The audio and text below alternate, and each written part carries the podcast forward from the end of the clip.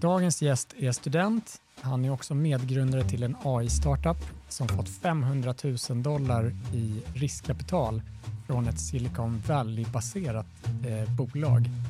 Han har eh, jobbat med robotar på Disney. Han har jobbat med självkörande fordon och hans AI-karriär har verkligen fått en otrolig start. Nu ska det bli spännande att höra vilka tips och råd han har till andra studenter och vilka insikter han har fått med sig på den här resan. Jag ser fram emot att träffa Lukas Petersson.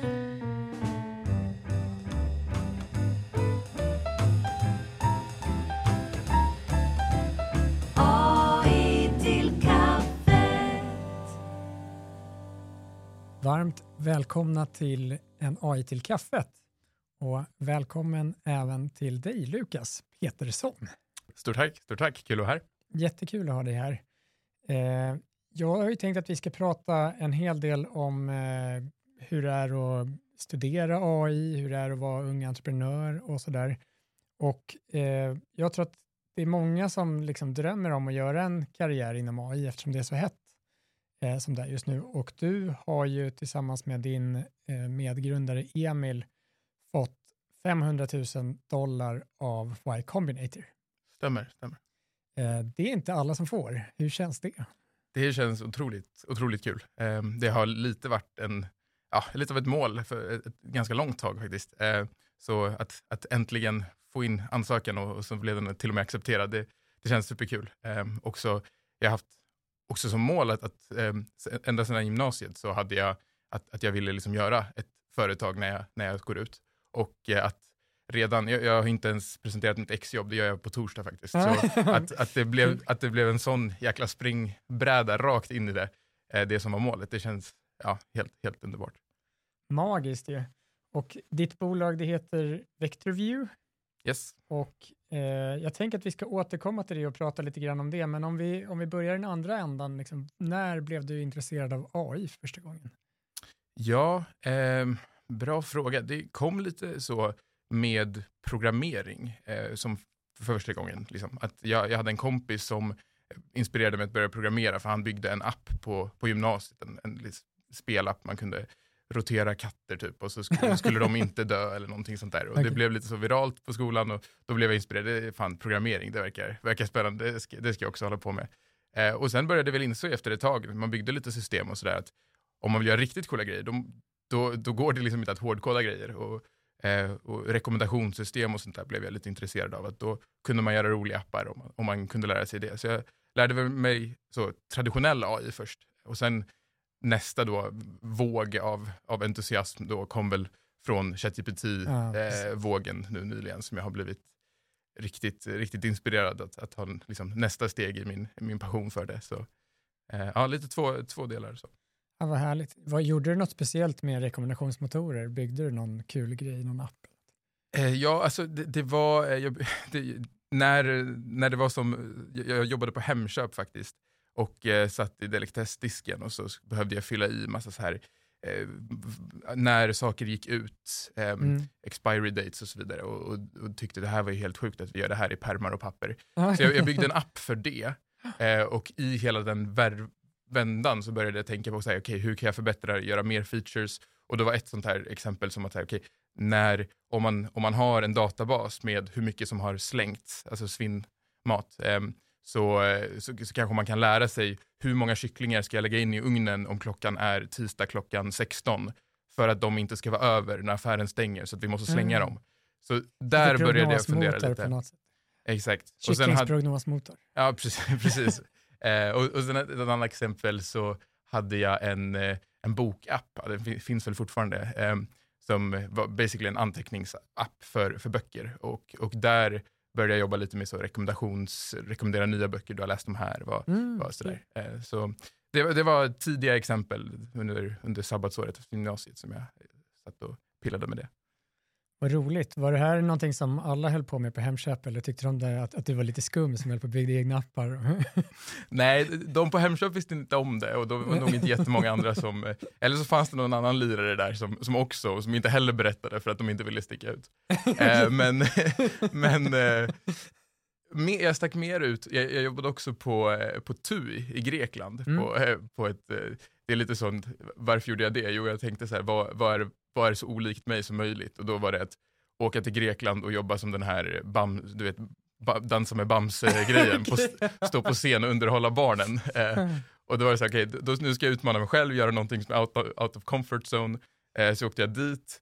Eh, men det var då jag började bygga den här bokappen, när jag var där. Mm. Eh, och där tyckte ju folk jag var redigt eh, svartfår liksom. Det kan, det, det kan man säga. Alltså, det var, eh, ja, eh, när folk, när, jag, blev så, jag blev så taggad på den här bokappen att där, folk, när man hade sin lediga dag, då var det så här, då var det typ gratis semesterdag. Då var man på ett hotell i Grekland. Eh, men men jag, då satt jag inne och kodade på den kodade här appen och det tyckte nog folk var lite, lite skumt. Ja, härligt. Men, eh, men det, var, det var kul. Eh, Goda, goda minnen. Ja, det låter ju underbart tycker jag.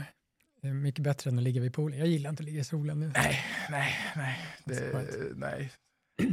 Men jag tänker, du gick på Lunds tekniska högskola, eller du går där fortfarande. Du har Ja, någon vecka kvar till exjobbet, eller? Exakt, exakt. Precis. Men eh, vad, vad tycker du om utbildning där då? Eh, jag tycker den är bra. Eh, jag, jag, jag gillar Lund väldigt mycket som, som stad. Eh, det är en fantastisk stad att bo i och studentlivet är helt otroligt och or, organisationerna som finns där är, är nog anledningen att så många tycker att det är så kul att plugga. Eh, jag var på utbyte nu och det var inte alls samma studentkultur och jag, jag tror att Sverige gynnas extremt mycket av att vi har en väldigt stark, man kan tänka sig, ja, är det så bra för samhället att de bara festar hela tiden och springer runt och gör massa dumheter på stan och sånt. Men jag tror det, för att jag tror att det, Mm. det skapar motivation som, som andra universitet inte lyckas ha. Eh, så ur den aspekten tycker jag det är toppen. Eh, jag har inte så mycket att jämföra med om man snackar utbildningsnivå och sådär. Eh, men, eh, men, men jag har, jag, har, jag har trivts under min tid. Vilket program var det? Eh, teknisk fysik. Teknisk fysik, ja. Ja. Läser alla som går teknisk fysik där också någon typ av maskininlärning eller AI eller så? Nej, eh, verkligen inte. Det har väl blivit hett nu på senare tiden och jag tror att just mitt år så har det varit väldigt mycket alltså, att man går mot mattehållet snarare än fysikhållet. Men, Mm. men eh, alltså, läser du en fysikmaster så är det inte så mycket maskininlärning. Eh, och jag tror många gör typ finansiell modellering och sådär och då är det lite grann en tidsserieanalys och sådär. Men, Mm. men det är inte jättemycket språkmodeller och sånt kanske inte är. Om du inte ska predikta in, ja, tidningsartiklar, stock value och sånt där, då kanske man behöver det. Men, Ja, men det är kanske inte är det första som är, står, på, står på schemat. Ja, men kul. Men sen eh, fick ju du ditt examensarbete på Google var det va? Mm.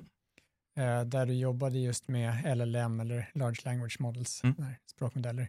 Berätta för det första, hur fick du det och sen vad, vad, vad fick du göra? Eh, hur jag fick det? Ja, det var... eh, Jag, jag jobbade där året innan, så hur jag fick det var, Mm. var lätt. De frågade vill du komma tillbaka och jag frågade om jag får göra mitt exjobb och då sa de okej. Eh, hur jag fick det, året innan är väl då den, den egentliga frågan. Det var bara shotgun-tekniken snarare än sniper-tekniken. Ehm, eh, det, eh, det är stark rekommendation är att inte spendera alldeles för mycket tid på varje ansökan när man söker sommarjobb och sånt där, utan jag tror väldigt starkt på att ha en generiskt eh, CV som du bara skickar till hundratals och sen får du se hur många svarar. Det är väldigt lite added value att, att personalisera dem, in my experience, men det är väldigt empiriskt. Um, Ös ut. ös, ös ut så många som möjligt, ehm, om det inte finns något jättenischat och det är bara det du vill göra. Men, men för de flesta tror jag. Så det var så jag fick det. Och vad, vad var den andra frågan? ja, nej, men vad, vad fick du göra sen då med språkmodellerna? Vad gjorde du för någonting? i Ja. Eh, det, det, är, det är multimodala språkmodeller då specifikt. Mm. Så, ehm, ja, man kanske kan ha sett nu på senare tid att, att ChatGPT har, har, man kan, om man betalar då för premium eh, ChatGPT plus så, så kan man lägga till en bild också eller, eller andra filer och sådär. Och det är väl ett exempel på ehm, hur, vad, vad då multimodal betyder. Mm. Att det är, att det är alltså en, en modality är en typ av input. Så liksom text är en typ av input, den vanligaste typen då till ChatGPT. Men nu kan man också ge bilder, det är en annan typ av modality.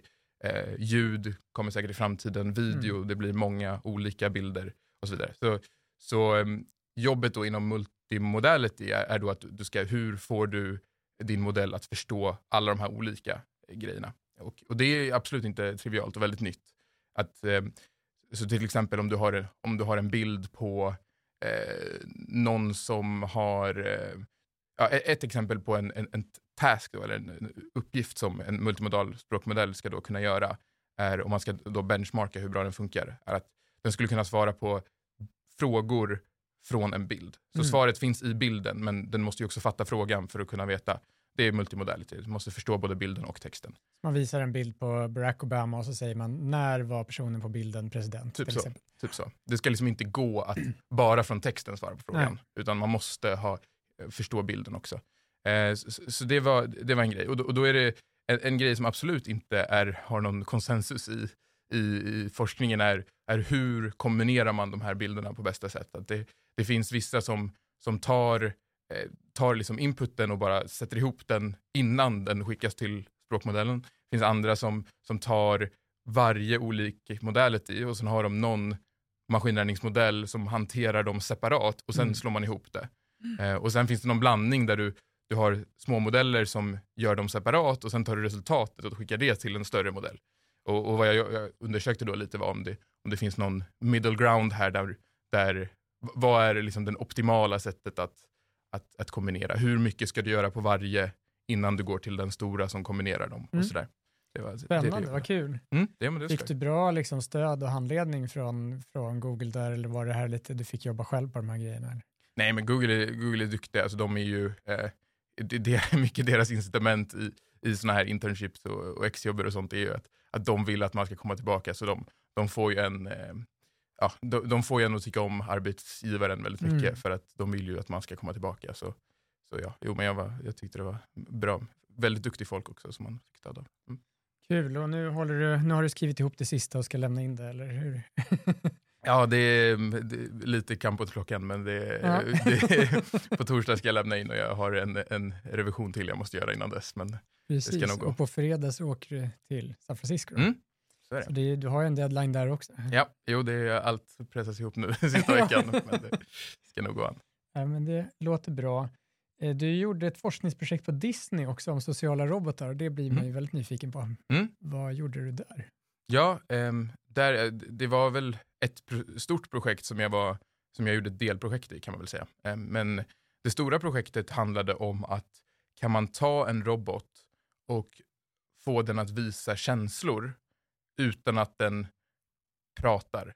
Typ. Alltså, Mm. när, man, när man tänker på AI som får en personlighet numera så tänker man ja men det är ju lätt. Vi kör ChatGPT och sen ger vi att den ska ha någon typ av person. Du är, man kan skriva i, ja, Prompten. be den, i prompten, be den vara lite rolig. Du är en Ja. rolig personlighet typ, och sådär. Eh, men om du inte har, så det är ett ganska enkelt som medium. Men, men robotar, eller människor, när vi, när vi beskriver vår personlighet, då använder vi kroppsspråk och Mm. ansiktsuttryck och sånt där. Och jag, för några år sedan så, så fanns, det finns ett företag som gjorde en, en, en robotleksak som heter Cosmos. Företaget heter Anki. Mm. Och, ehm, och där jobbade de mycket med så här ansikts... Eh, den, den kunde inte prata men, men den hade LED-skärmar för ögon och sådär Mm. och så kunde den liksom ja, kommunicera via, via det, hur den, hur den kände, om den var glad och så vidare. Och, eh, och det tyckte jag var jättespännande. Och den, eh, eh, men de gick i konkur- konkurs för att det är notoriskt svårt att göra en robot-startup. det är typ omöjligt. Eh, så de gick i konkurs och så har jag liksom letat efter vilka, vem är det som tar upp fanan efter dem och sådär. Eh, så jag bre- sökte brett och så hittade jag en, en grupp då på Disney som, som jobbade med liknande grejer.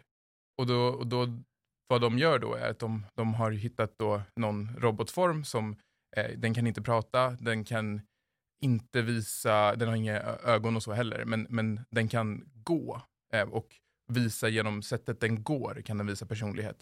Och eh, det, det tyckte jag var väldigt spännande, för det, det är lite så att om, i slutändan om man ska visa personlighet med, med en robot så finns det ju många olika modes. Alltså med ögonen måste du visa det, du måste visa det med röst och du måste visa det med går, för, eller hur, hur du liksom Kroppsspråk. kroppsspråk och så.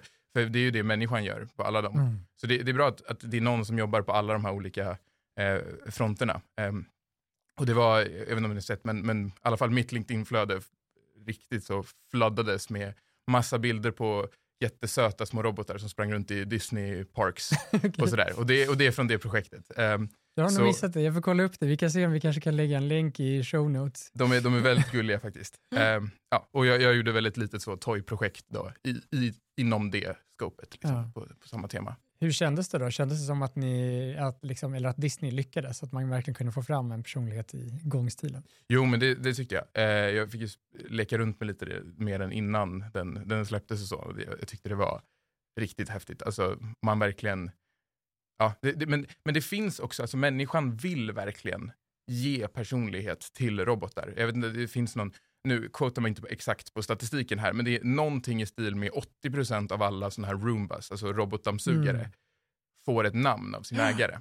Och det är så här, det företaget har inte gjort något alls för att försöka skapa en personlighet där. Men alla ägare vill så jäkla gärna att den har en personlighet. Så, att de, de, så de, de, eh, de ger det namn och det, liksom, det blir en del av familjen, nästan som ett husdjur. Och jag tycker den potentialen där är väldigt stor och det är därför jag lite så, ja, har försökt, eh, försökt ja, vara i de cirklarna med, med sociala robotar. För jag tror att det är verkligen dels en, en framtidsgrej och, och eh, någonting som är spännande i nuläget också. Jag pratade med en, eh, vad heter det, forskningsavdelning där de höll på med den här typen av dammsugarrobotar, där de pratade om att så här, ingen vill ha en robot som åker systematiskt och dammsuger av ett rum, utan man vill att den ska åka lite mer slumpmässigt. Mm. Så det är ändå någon slags där, man, ja, den ska bli lite roligare. Liksom, att den, Okej, och, och la de då in det också? ja, jag tror att de i- faktiskt i hade lagt liksom in det, att den skulle liksom inte göra det på det enklaste sättet, utan den skulle vara lite slumpmässig när den åkte runt och dammsög. Okej. Det hade Mm. varit jätteintressant att ha det jobbet. Så här, du, Ja. alla, alla, jobb, alla andra på avdelningen jobbar med att optimera den och göra det så smart som möjligt. Så är det en jäkel som sitter där. Och där. Ditt jobb är att göra den lite dum. Ja, precis. Eller lite roligare att titta på. Liksom. Ja. Nu är du på väg till San Francisco som sagt var. Ni har fått de här pengarna från Y Combinator. Vad är Y Combinator för någonting? Y Combinator är en startup-accelerator, tror jag är den officiella termen. Men det är väl en, en blandning av att de är, de är venture capitalist-investerare, de är coacher till de de eh, investerar i och de har skapat ett, ett nätverk av massa olika företag som, som är då i, i, i liknande sitt, eller vissa har ju gått vidare och blivit väldigt stora och sådär, men, men många av dem är i den här early stage startup-scenariot eh, och, och eh, vinner mycket på att man, man hjälper och samarbetar varandra, med, med varandra. Så det, det, är väl, det är väl typ lite det de erbjuder. Är det liksom globalt med bolag? För jag tänker de har hittat er i Sverige på något sätt. Ja, de har väl inte hittat oss, det var ju vi Ja. som ansökte. Ja, men precis. Ja, men i alla men, fall. eh, ja, jo, men absolut, det är, de tar in från hela världen. Ja. Eh, det är väl mycket från Kalifornien, men, men, eh, men ja, vi kom in så det finns ju ingen, ingen spärr på utlandet. Nej. Spännande. Och vilka andra bolag finns det som har fått pengar från Y Combinator som man kanske känner till eller några svenska? Eller? Ja, eh, Reddit, Mm. eh, Airbnb, eh, Stripe eh, är, är några av dem. Eh, sen finns det ett annat, eh, två andra svenska företag i den här omgången då som har Superagent och Leia Mm. och så vi Vectorview. Så det, det, är- det är kul för det brukar inte vara så stor svensk representation. Jag tror att det är runt tio någonsin eh, som har kommit med och det har körts ungefär två gånger per år sedan 2007 kanske eller något sånt där. Eh, och, men bara den här batchen är tre stycken, vilket är superkul. Eh, Vet du någonting om åldersspannet liksom på de som, som söker? eh, jag tror att det är, jag, jag- jag, har ingen statistik här, men, men bara från liksom empiriskt att ha sett vilka andra som är inne och så, så tror jag det är ganska mycket, i, ja, jag är väl den, eh, bland de yngre då, men, Mm. men eh, att, att inte, vilket är lite, jag vet inte om- var det kommer ifrån, för att vanligtvis har man väl sett sån statistik på startups att, att högst sannolikhet på success i startup är om du är Ja, exakt. Runt 40-50 års 40, ålder, liksom, för då har du erfarenhet och du vet vad som går fel och så vidare. Men just Y Combinator verkar köra tidigare, för att det, det i alla fall från de man ser så, så verkar de mycket yngre, yngre än så. Ja. så eh, ja, men kanske ja, 25-30 års åldern är många tror jag. Så vad kommer hända nu då? Du åker dit på fredag. Hur Mm. länge blir du där? Eh, 89 dagar tyvärr. Ja. Nej, men det, hela grejen är, är, är, 90, är 91 dagar, vilket är Ja. väldigt surt för att ESTA-visumet räcker bara 90 dagar. Så, så det är ja, tre månader ungefär. Ja. Mm. Och vad kommer, liksom, hur ser programmet ut där? Ja, men det, det är inte, inte jättemycket från dem faktiskt officiellt. Det är, det är något möte så en gång i veckan typ, där man får lite coaching och sådär. Och sen är det väl några middagar med de andra och lite så gästföreläsare och så. Men det, men det är inte jättemycket mer än så. Det är inte superspäckat schema utan det kommer vara mycket att jag och Emil, eh, min co-founder då, vi kommer sitta i lägenheten vi hyrt och så kommer vi koda och bygga under, under den här tiden. Eh, det kommer vara 90 procent av tiden det. Jättespännande. Och vad gör VectorView? Vad, vad är er produkt? Ja, ehm, vi har väl en gissning på att framtiden kommer ha mer AI än, än vad nutiden Mm. har. Eh, för att vi, har, vi gör en analysplattform för AI-appar. Så om du är ett företag som bygger antingen en intern, eh, ett internt verktyg för dina anställda eller om du är ett företag som bygger en, en extern eh, service som använder AI, då är det väldigt ont om analysplattformar eh, för att se huruvida den här AI var bra eller inte. Eh, och det vi börjar med då är large language models, s- språkmodeller, för det, är mycket där som nuvarande analysverktyg inte funkar. De, det finns Google Analytics som kan mäta så hur många användare du har och så vidare. Mm. Och så vidare. Men det, det finns inte riktigt någon sån tool som också kan analysera vad faktiskt outputen av en språkmodell var. För de förstår inte språk utan de kan, de kan presentera nummer och, och sådär men inte, inte så mycket mer. Så det, det, det är typ det vi bygger. Um. Det är ju extremt svårt. Alltså jag menar om man tänker sig eh, att man gör ett, ett program som eh, gör en prognos för hur mycket kyckling som kommer säljas så kan du jämföra det med hur många kycklingar som sen faktiskt såldes och gör ett rekommendationssystem som typ Spotify eller någonting sånt så kan du se ja, hur många gånger klickade man på de låtarna som rekommenderades eller någonting sånt. Men med en språkmodell, om du säger att du har en en eh, kundtjänstfunktion till exempel som ska svara på IT-supportärenden eller något sånt och så, ja, så kommer in en fråga och så, så producerar den här ett svar eh, som, som då säger att ja, men du ska starta om datorn eller vad du nu ska göra för Ja. någonting. Så, eh, ja, och sen så nästa gång så har du uppdaterat den här språkmodellen och så kör du den på samma så kommer den ju kanske fortfarande svar, svarar att du ska starta om datorn men med lite annan formulering och så vidare. Hur jämför man de här? Liksom, det, det är en rätt tuff utmaning. mm. Har du svaret? Man brukar behöva starta om datorn. Alltid, alltid starta om datorn. ja. Eh, Nej, men jag vet inte. Det, jag tycker det låter rätt utmanande faktiskt, här, att försöka sätta någon, någon kvalitet på det. Ja, jo, det, det, man, får, eh, eh, man får ju också liksom fråga kunden vilken typ av analys de vill ha. Eh, en typ av analys skulle kunna vara är inte då kvalitet utan det kanske snarare är hur, hur mycket ljuger modell, eller det är väl Mm. en form av kvalitet. Så, så om, om säg att en kund använder en, en, en databas med information eh, som den kräver att dens språkmodell använder som, som bas, då skulle du kunna mäta, okej, svaren, hitta, om du hittar varje påstående som, som svaret då ger och så kollar du, finns det här påståendet, finns det belägg för det i databasen Mm, som du ska precis. svara mot? Det är typ så. Eh, hur man, man kan göra då, mäta så hallucina- hallucinationer som man, Mm. man brukar snacka om när den säger saker som inte är sanna bara för att de låter sanna. Typ. Eh, så det är ett exempel. Man kan också mäta hur, hur eh, harmful eh, eh, ett, en viss grej är. Att man vill inte att den börjar göra dumma grejer som kan faktiskt skada någon om det är en customer support-grej och den är jätteotrevlig så att den skrämmer iväg kunden. Det kanske inte är toppen.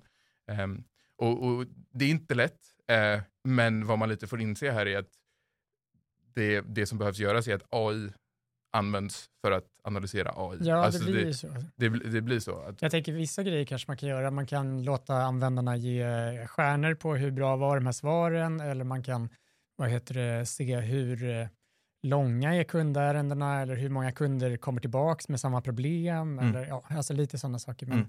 Men det är ju rätt tufft och särskilt om det skulle vara till exempel en chatt. För att då har du ju en interaktion med kunden och Mm. eh, ja, du ställer en fråga tillbaks sen, men nu kanske AI ställer en annan fråga tillbaks. och Ja. Hur ska man utvärdera det? Och det, är- det, kul exempel är att det är vissa kunder där om din AI svarar jag vet inte, då är det ett dåligt tecken. Andra Mm. kunder är det ett bra tecken. Exakt, precis. Och då vet man liksom inte liksom, Nej, hur, hur, ska man, hur ska man hantera det. Eh, så det är, vi har ett ganska flexibelt eh, sätt. Att vi är väl numera ett, ett sätt som du kan definiera dina egna eh, metrics som passar bra för just Mm. ditt use case. Och, eh, och sen är vi då plattformen som tillåter dig att göra det på ett väldigt smidigt sätt. nu har det blivit vanligt med retrieval augmented generation, RAGs som Mm. det kallas, att man eh, så att säga förser systemet med en uppsättning dokument eller tidigare svar eller sånt som den får söka i för att få fram eh, eller för att skapa en bättre prompt egentligen för att den ska Mm. eh, kunna ge ett så bra svar som möjligt. Jag vet att ni jobbar lite med det också. Vad kan man få Mm. för typ av analys av ett sådant system från, från Vectorview? Ja, eh, det, vårt system är väldigt multipurpose, så det är inte bara RAG, men vad vi har sett är att många av use caserna av, som använder LLM i, eh, i liksom industrin idag är just RAG. Alltså Mm. det är customer support baserat på någon databas av information om det företaget Japp. till exempel och så vidare, eller eh, chatta med eh, interna dokument och sånt. Så det, vi har väl lite fokuserat på det för att vi tror att det är där många kunder kommer vara. Eh, Och eh, eh, ja, det, alltså det exemplet jag drog där innan med att, att man, inte, om man, man vill inte att den hallucinerar, du vill inte att den ger ett svar som då inte har support för i vektordatabasen. Så det, det är en Mm. grej vi skulle kunna visa på. Så här, hur, hur många procent av påståendena som din AI ger Kommer från dokumentet. kommer faktiskt från dokumenten. Ja. Ja, och hur många är liksom bara den hittar på. Så, sen kan man också se, se typ, om du har en, en vektordatabas så kanske det är väldigt användbart att veta vilka dokument används mest. Alltså, Det kan ge dig en signal för, för, eh, ja, för att veta eh, om, om det är viss information som är mer värdefull än andra och då kanske du ska hantera det på ett specifikt sätt. Typ. Eh, ja, typ så.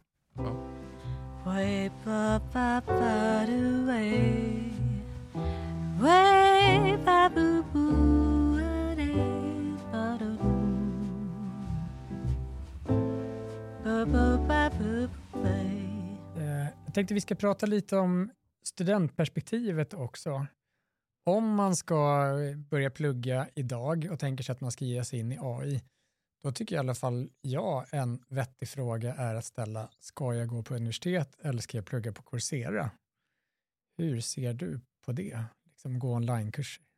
Eh, jag tycker inte det är antingen eller eh, faktiskt, utan speciellt i Sverige, det här kanske är en större fråga som är mer antingen eller i typ i USA där det kostar en jäkla massa pengar att, Mm. att, att, få, att få gå på universitetet. Men i Sverige, vad jag tycker att universiteten bidrar med väldigt bra är en gemenskap och, Mm. och hela den grejen som gör det kul att plugga.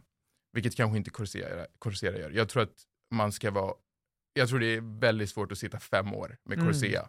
Det, det, det tror jag är jobbigt. Men sen tror jag absolut att universiteten kommer inte kunna erbjuda exakt det du vill lära dig. Och då tror jag att, att gå universitetet, få universitetslivet och gemenskapen av att det finns folk som vill lära sig samma sak och allt det där och man kan engagera sig i olika roliga aktiviteter och sånt där.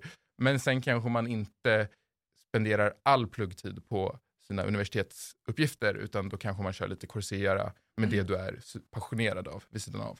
Ehm, det är väl typ så jag gjorde och jag, jag ångrar det inte. Nej, det är så du har lärt dig, eller Ja. hur? Liksom, du har Mm. inte tagit in, eller kommit, liksom, lärt dig så mycket machine learning på universitetet, gissar. Nej, mycket lite. Mm. Mm. Jag tänker, du har gått teknisk fysik. Det tror jag, alltså jag stöter på ganska många som faktiskt har gjort det, så det är nog ingen ovanlig väg, även Mm. om man kanske tänker att man ska plugga data är mer, Mm. eller datateknik kanske mer naturligt, men Mm. jag vet inte. Jag tror att det är en bra bakgrund personligen, eftersom det, man lär sig mycket matematik. Jo, AI är ju matte egentligen. Det är ju inte programmeringen. Alltså programmering är bara ett sätt att, att, eh, att implementera de, de mattealgoritmerna. Mm. Men, ehm, men, men sen är det ju också om du vill bygga AI-system, AI-produkter, så använder du ju inte så jättemycket AI själv. Alltså det, du behöver ju inte sitta och räkna matten, utan det är någon som har gjort det. Och då är det data du behöver för att kunna Mm. implementera det. Eh, men sen är det ju lite så, om det är någonting ChatGPT är bra på numera så är det ju just Hjälpa till att programmering. koda, ja precis. Så eh, Eh, är det någonting som du önskar att du hade fått lära dig i skolan för att liksom förbereda dig bättre på entreprenörslivet? Eller? nej. Nej. det, jag tror inte det, alltså, det skulle säga att jag har inte lärt mig det i skolan. Nej. Så att, men jag tror inte det är i skolan man ska lära sig det. Så jag, jag önskar väl inte det.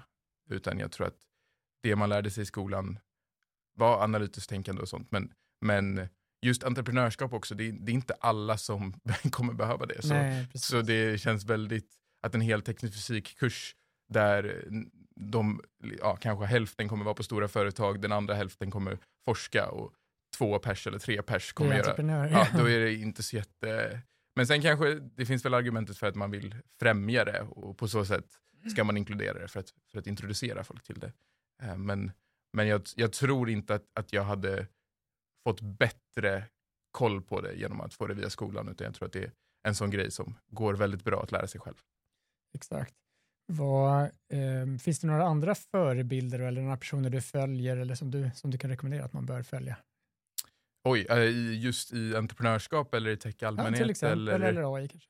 Eh, jag tycker att eh, George Hotz är en väldigt Mm. spännande karaktär, om man, om man vet vem det är. Jag jobbade faktiskt på, som, som intern på, på hans startup för två år sedan. Eh, han är cool. Eh, men sen, sen är det också mycket, så här, kanske inte kändisar, utan folk i, i mitt liv som har inspirerat mig Mm. väldigt mycket. Eh, speciellt, jag var på en, min, min gymnasieklass var helt fantastisk. Det var några av de absolut smartaste människorna jag någonsin träffat, träffade jag där. Så det var väl lite det som satte mig på min, min path. Men, men de är lite svåra att följa för de är inte lika, de är inte lika kända. Gick du på några specialgymnasium eller någonting? Nej, sånt? nej, det är kul. väl, eh, kommun, kommunalskola, eller ja, vad heter det, Kungsholmens gymnasium i Stockholm. Ja, roligt. Sen, eh, ja, det är kontroversiellt numera, av någon anledning väldigt synd, men jag tycker att Elon Musk är helt, eh, han, han, är, han är en väldigt underbar person tycker jag. Vilket är, det jag vet inte om man får säga det numera, men, men det står det jag för. blivit lite känsligt. Det, det står jag för. Det jag älskar i Elon Musk är, är den här barnsliga liksom curiosityn och Mm. han verkar, alltså det, det här har jag fått mycket skit för att jag säger, men jag tycker han verkar så jäkla pure. Alltså, han, Mm. han känns lite för, han, han gömmer ingenting. Alltså, Nej, det, det är det, han, är- det han, Det det är han därför är, han, han får massa smällar.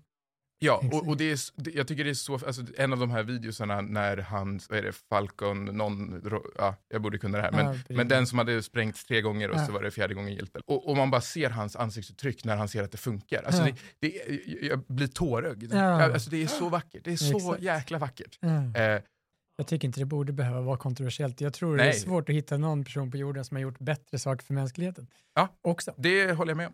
Så menar, han får säga vad han vill och han får gärna vara dum i huvudet, liksom. Ja. men han har i praktiken gjort Ja. väldigt mycket bra för mänskligheten. Eh, näringslivet, det kommer ut en massa studenter. Eh, alla är inte exakt som dig, eller ingen är exakt som dig, men, eh, men en ny generation som har eh, testat, lekt med de här teknikerna, använt ChatGPT i skolan och så vidare.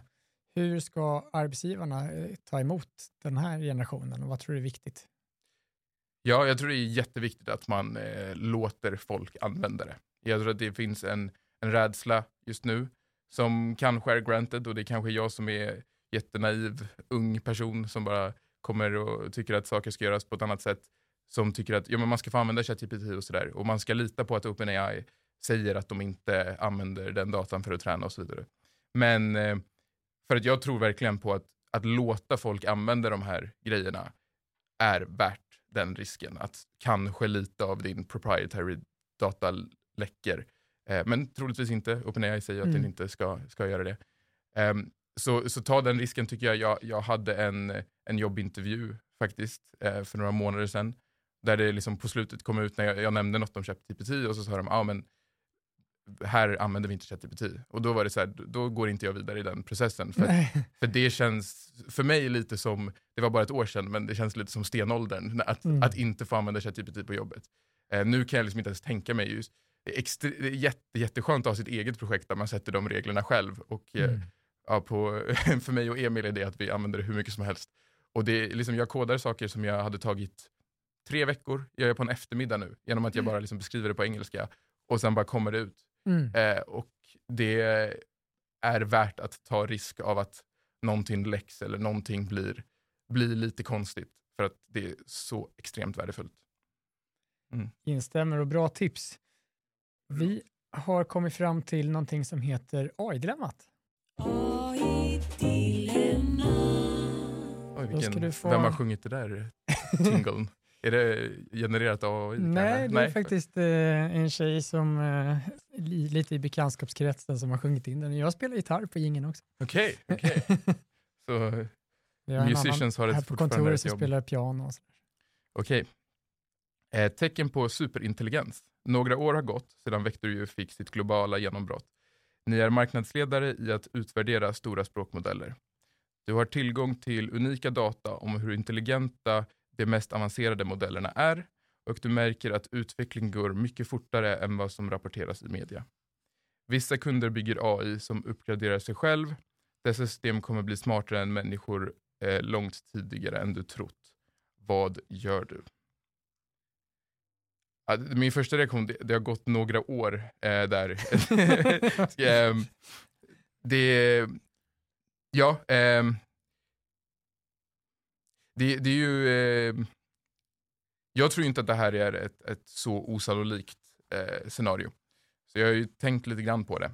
För att eh, jag är väl kanske lite naiv, men, men jag tror att det här är några år, ja men okej, några år kanske är rätt ändå. Men, men det är inte, det är, det är ett scenario vi kommer ha och det, och det är default outcomen av det, om man inte gör någonting, är nog inte positiv.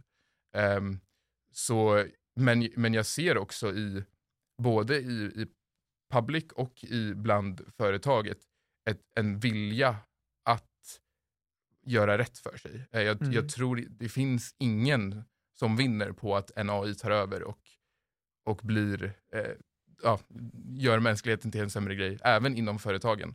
Ehm, så liksom det första man gör såklart är att ha en konversation med, med företagen och sådär. Och jag, tr- men steg nummer två, beroende på eh, hur, hur det går eh, för, för att gå vidare, Mm. så är det väl lite som med eh, att man har, må, många sådana här jobb när man har tystnadsplikt, Mm. att, att det är, eh, man får inte säga förutom om det är någonting som är liksom livshotande.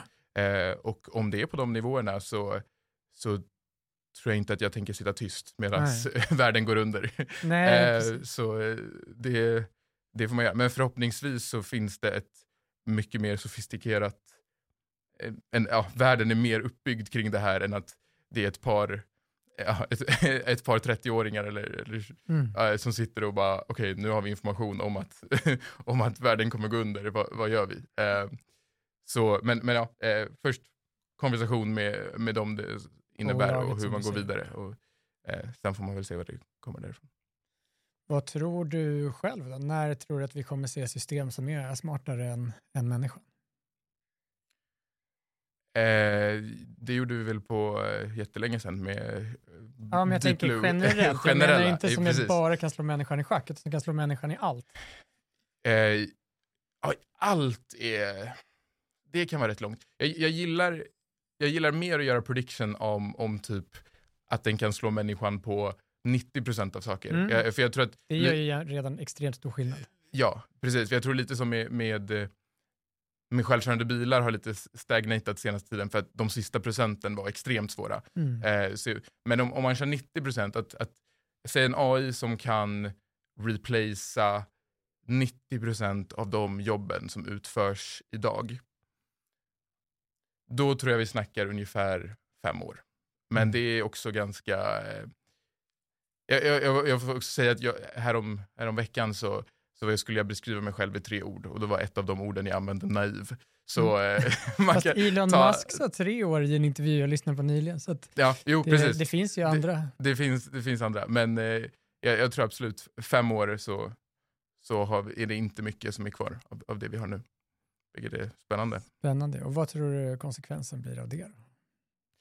Jag tror vi absolut som eh, civilisation får jobba med var vi hittar mening. För jag tror att det är, vad jag ser i alla fall, lite, eller det, nu är inte jag någon, någon eh, det, eh, sociologiexpert här, men, men när folk får mer tid så spenderar de inte det ba- enbart på saker de faktiskt tycker om att göra. Alltså det är många som resulterar i att de bara bingear Netflix eller sitter och Mm. gör saker som de egentligen inte riktigt vill göra, men de har massa tid och vet inte vad de ska göra med den.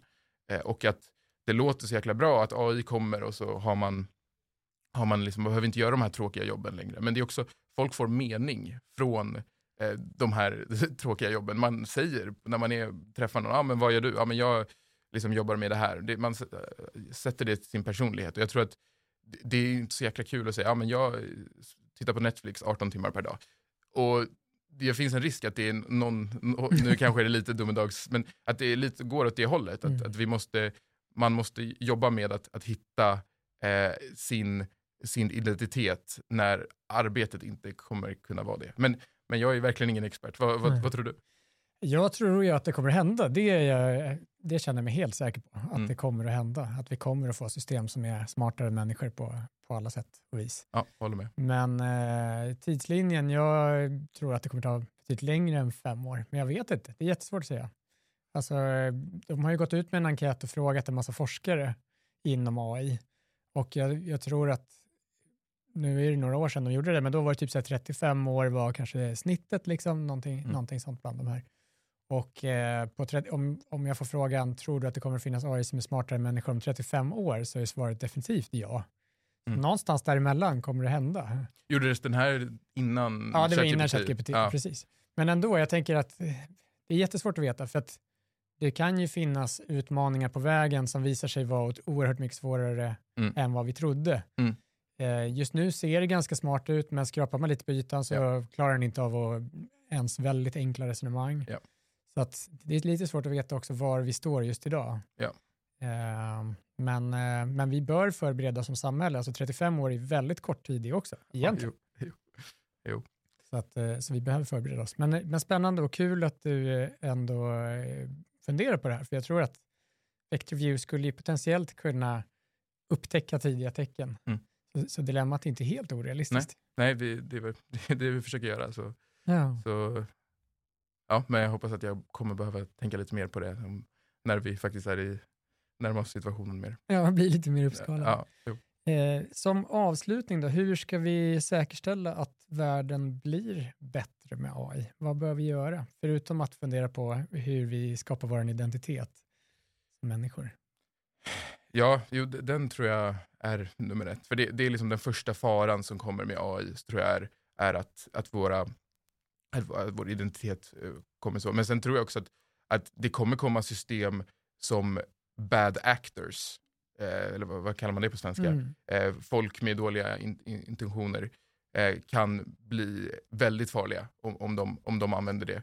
Och där är det ju en, en, en stor debatt som jag inte har svaret på, men jag tycker den är väldigt intressant. Eh, Mm. Det här med hur man ska hantera det. Ska man, ska man låsa upp AI bland de stora labben och inte göra det publicly available? Eh, eller ska man, som andra tycker, kanske göra det mer öppet för att en bra AI kan typ cancella ut en dålig AI. Mm. Och eh, på det stora hela kanske det gör att, att, eh, att det är bra att vara öppen. För att det är väl lite, lite så om man, om man ger the good side tools så kommer the bad side också få dem.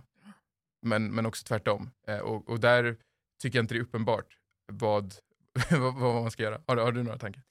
Jag tänker, det finns just som du säger de här skolorna med typ eh, Jan LeCun på Meta till exempel Mm. som går ut och pratar väldigt mycket om att, eh, liksom, eh, eller dels så säger han att det är jättelångt kvar, Mm. men också att de här öppna modellerna är en bra garanti.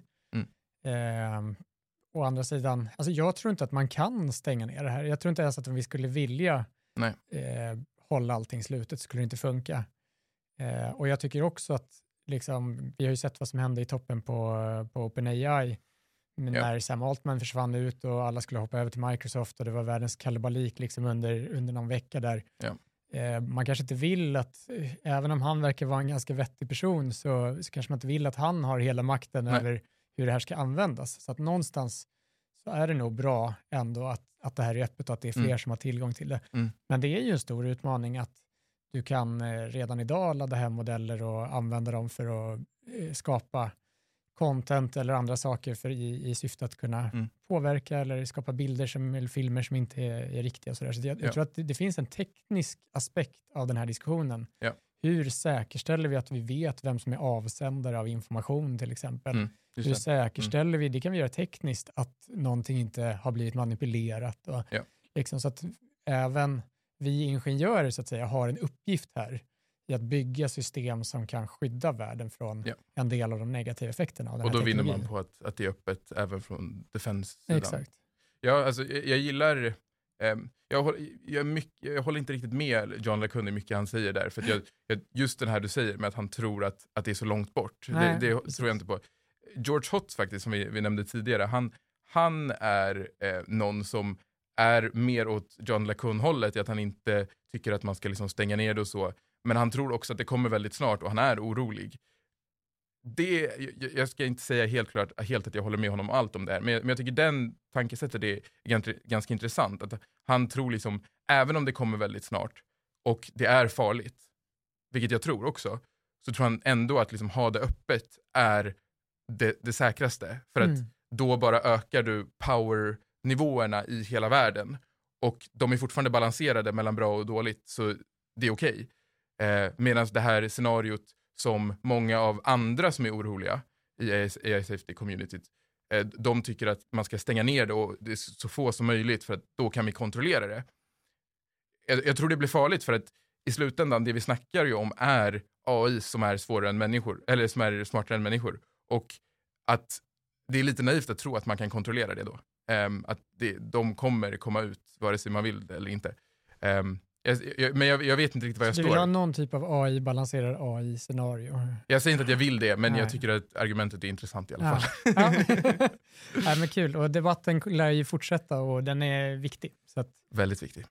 stort tack för att du kom hit och delade med dig av dina tankar, både om hur man ska eh, kanske tänka som student, hur man ska tänka som arbetsgivare för att plocka in studenter, berätta om ert fantastiska företag och den resan som ni gör och eh, även gav lite filosofiska tankar om hur vi säkerställer en, en bra framtid för mänskligheten. Jättekul att vara här. Tack så mycket. Stort tack och tack också till alla som har lyssnat. Om ni har frågor eller tankar eller kanske feedback, förslag på gäster så får ni gärna gå in på vårt Instagramkonto NAI till kaffet och eh, höra av er där. Så hörs vi snart igen. Tack! Tack.